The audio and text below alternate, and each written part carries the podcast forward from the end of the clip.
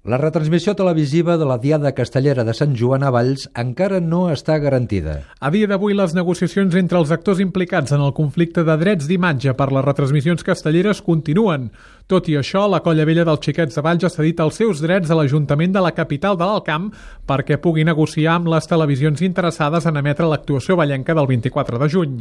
El president de la Colla Vella, Albert Pedret, ha dit en declaracions al Tres Rondes de Catalunya Informació que amb aquest acord la retransmissió de la Diada està garantida. Nosaltres creiem que no hi ha cap problema. Això representa que es poden emetre les Diades per la televisió, ja qualsevol televisió eh, pot posar-se en contacte amb l'Ajuntament de Valls i demanar-los que com a organitzadors eh, poder emetre eh, aquestes diades en directe.